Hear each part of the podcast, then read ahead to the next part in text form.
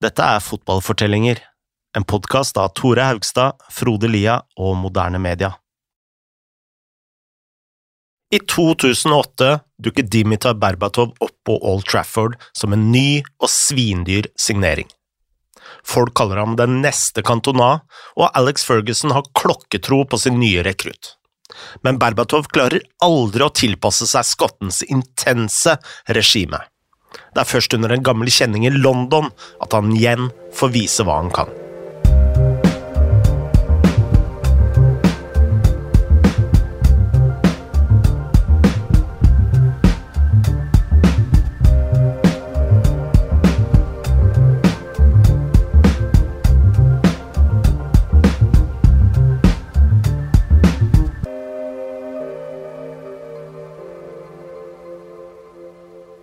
Da Berbatov tok turen til Manchester, var forventningene enorme. United hadde punga ut 30 millioner pund, og selv om det knapt kan gi deg en tredjekeeper i dag, så var det en, en enorm sum på den tida. Men det aller verste for Ferguson var at han hadde brukt en hel sommerferie i brutale møter med den berykta Daniel Levy, en uh, gjerrigknark og en uh, fyr som i stor grad kun eksisterer for å skvise ut hvert eneste øre ut av hver eneste deal.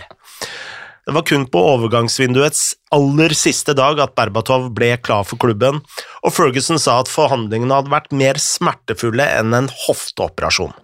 Og Dette sa noe om hvor vanvittig høyt Ferguson verdsatte Berbatov og det han kunne bidra med i laget.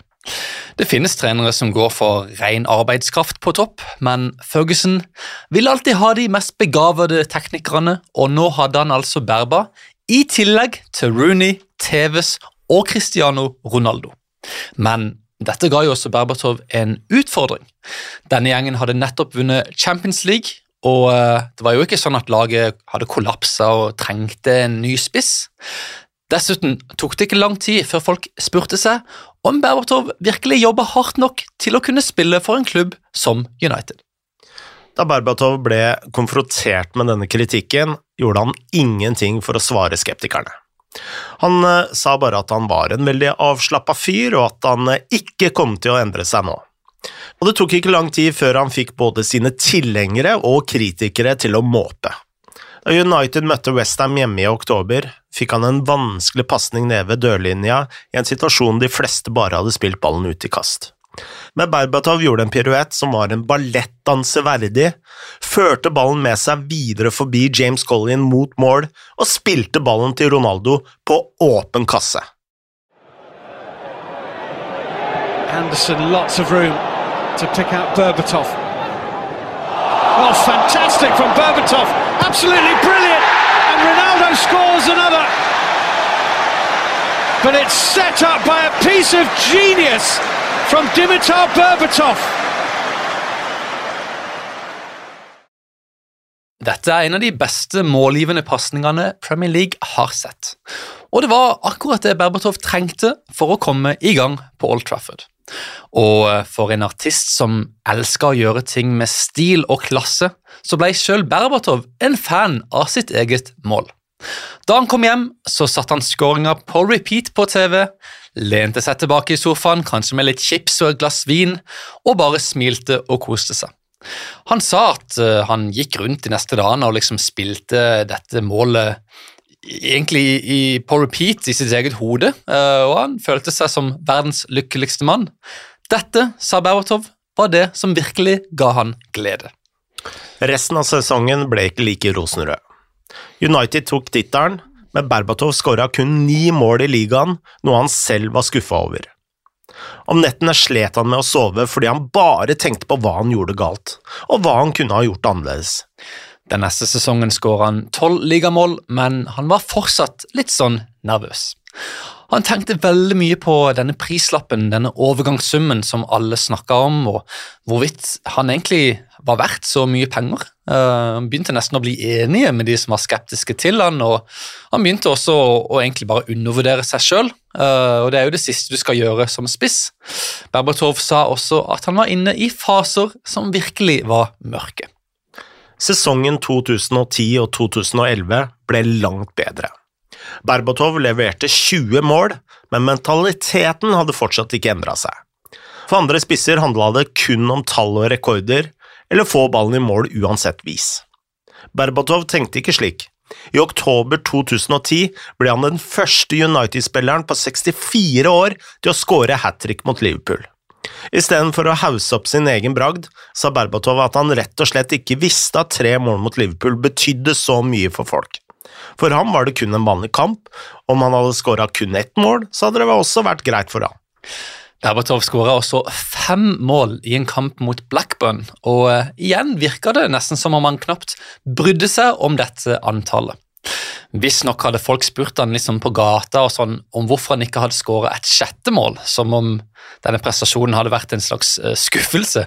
Men uh, Berbatov sa at han egentlig aldri tenkte på denne muligheten. og at liksom, ah, ok, jeg har skåret to, kanskje skårer jeg tre, vi får se. Det hadde vært flint. Uh, og det var liksom ikke så, det var ikke sånn han fungerte i det hele tatt. Når han var på banen, sa Berbatov, så prøvde han rett og slett bare å kose seg, og det var alt han brydde seg om. Selv om sesongen ble en suksess for Berbatov, så fikk den en ulykkelig slutt. United nådde en ny finale i Champions League, hvor de møtte Barcelona på Wembley. Berbatov ble ikke bare vraka fra laget, han ble ikke engang tatt med i troppen, og det fordi Ferguson ville ha han med en eldgammel Michael Owen. Ifølge Ferguson tok ikke Berbatov denne nyheten særlig bra, og vrakingen var så brutal at selv Fergie følte seg råtten. United tapte finalen, og Berbatov tok ferie i dårlig humør. Selv da han dukka opp til sesongoppkjøringen flere måneder senere, nekta han å snakke om finalen. Dette ble et vendepunkt for Berbatov i United. Han spilte kun tolv ligakamper den neste sesongen, og selv om han fikk syv mål ut av de få minuttene han spilte, så gikk det mot en klar exit. Da han dro, så ble han forsvart av Ferguson, som sa at han slett ikke hadde vært en flopp, men da Ferguson senere ga ut ei bok, så uh, kunne man liksom antyde at han kanskje tenkte litt mer kritisk sånn privat. Han skrev der at Berbatov hadde hatt overraskende lite selvtillit, og at han spilte for treigt til å kunne overleve og bidra i Uniteds intensive angrepsstill. På trening var det også litt vanskelig å, å ta med Berbatov, eh, fordi så fort han mista ballen, så gikk han egentlig bare rundt og, og lunta av gårde rundt på banen. Og det, skrev Ferguson, det kunne du ikke gjøre i United. Sommeren 2012 gikk ryktebørsen for full galopp. Noen sa at Berbatov skulle til Fiorentina, som var sant, men han ombestemte seg i siste sekund og kansellerte hele dealen. Dette var ikke populært hos italienerne, som krevde penger for flybillettene de hadde bestilt til ham og agenten før de skrev en tekst som var et prakteksempel på hvordan man skal svare på å bli vraka. De slakta det de kalte uansvarlig og arrogant oppførsel, som brøt med alle verdier for fair play og etikk. De la til at selv om Berbatov var en god spiller, så var de sjeleglade for at han ikke kom til Viola fordi han fortjente verken byen eller den lilla trøya. Berbatov innrømma at selv om det hadde vært litt kaotisk her, så sa han at han aldri hadde sagt ja til Fiorentina, og at han ikke kunne brydd seg mindre om hva de syns om han i Italia. Og så kom jo det store spørsmålet her. Hvorfor i alle dager hadde han sagt nei når flybillettene og alt mulig var booka og han kunne dra til en så fin by som Firenze? Vel, det skulle jo vise seg at han hadde fått en sein telefon fra den nye treneren til Fulham, som het Martin Joll, og dermed så vraka da Berbatov vakre Firenze til fordel for Craven Cottage i Vest-London. Da han og Joll hadde snakka sammen på telefonen, så hadde Berbatov kun hatt ett spørsmål om Fulham. Han hadde spurt Joll tror du at de kommer til å like meg. Overgangen var et steg ned for Berbatov, men et kjempekupp for Fulham. Istedenfor å dempe forventningene hylla Joll det han mente var den største signeringen i klubbens historie. Berbatov sa han kom til å savne tittelkampen og Champions League, men at han først og fremst bare ville spille fotball og kose seg igjen. Og det var tydelig at han var der for å kose seg. Da han kom dit, ville det medisinske teamet at han skulle ta en personlighetstest. Joel trygla de om å ikke la Berba fylle ut det skjemaet, men han gjorde det uten å ta spørsmålene spesielt alvorlig. Senere kom de til Jol og sa at Berbatov var en leder og en ekstrovert. I realiteten var Berbatov den samme humørspilleren som før. Han hadde ikke endra seg i det hele tatt. Joll sa at han av og til måtte oppmuntre han, eh, men at han stort sett holdt eh, peptalken til én eller to setninger, fordi han visste at Berbatov ikke sa så mye. En dag hadde Berbatov kommet inn til Joll og rett og slett sagt beklager fordi han hadde vært litt sånn deppa dagen før. Og Joll han aksepterte alt dette, fordi for han så var Berbatov bare en type som trengte litt ekstra tålmodighet. I Fulheim gikk Berbatov inn på topp sammen med Brian Louise, altså teknikeren fra Costa Rica. Og dette var ikke akkurat en duo som kjempa beinhardt om andre baller og jaga ballfører gjennom regn og snø. Du visste aldri helt hva du fikk med disse to. På Boxing Day skåra Berbatov mot Southampton før han viste fram en T-skjorte som sa «Keep calm and pass me the ball». Det var et stund selv Martin Joll syntes var helt tåpelig. Men på et eller annet vis så storspilte Berbatov Ruiz som spisspar. Berbatov skåra 15 ligamål, som er råsterkt for et lag som Fulham, og laget kom på en flott tolvteplass i Premier League. Senere innrømmer Joll at selv ikke han egentlig var helt sikker på om Berba og Ruiz kommer til å fungere sammen, men, sa Joll, i fotball er ingenting som man tror. Innen dette hadde Berbatov modna som person. I oktober 2009 hadde han blitt pappa for første gang, og i november 2012 fikk han enda et nytt barn. Han var nå blitt eh, en såkalt goodwill-ambassadør for eh, UNICEF for barn i Bulgaria, han hadde en egen veldedighet med formål til å utdanne barn og unge. Da han ble kåra til Bulgarias beste spiller i 2010, for syvende gang på rad, så ville han at unge spillere heller skulle få prisen, og trygla folket om å ikke stemme på ham igjen. Eventyret i Fulham skulle ikke vare så veldig mye lenger. Den neste sesongen ble Joll sparka like før jul, og på vinteren sa også Berbatov adjø til Craven Cottage.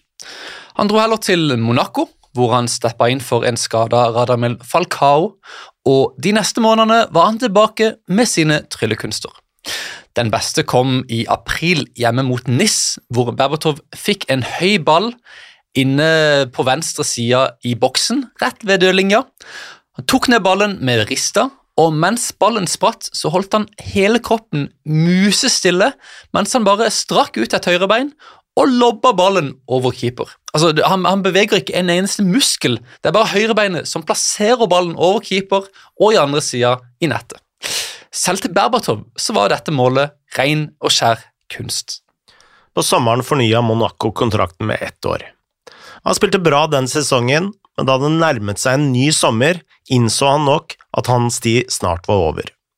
Han var 34 år og begynte å snakke om hvordan han ville bli huska. Uansett hadde han andre interesser som han kunne falle tilbake på. I 2008 hadde han oppretta en Facebook-side, og der hadde han posta videoer av ja, de ulike tingene han holdt på med utenfor banen.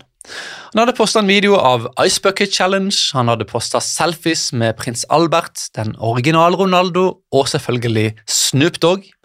I ett bilde så spiller Berbatov PlayStation, mens han prøver å gjenskape et mål han har skåret dagen før. Han viser frem tegningene sine, som i hvert fall fra det jeg kan se, virker genuint å være skikkelig flotte.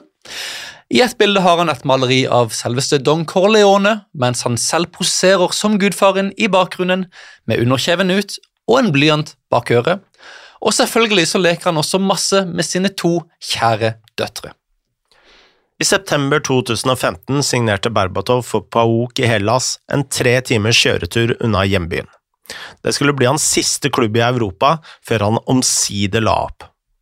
Da han ble presentert, ble han mottatt av 10 000 ekstatiske fans.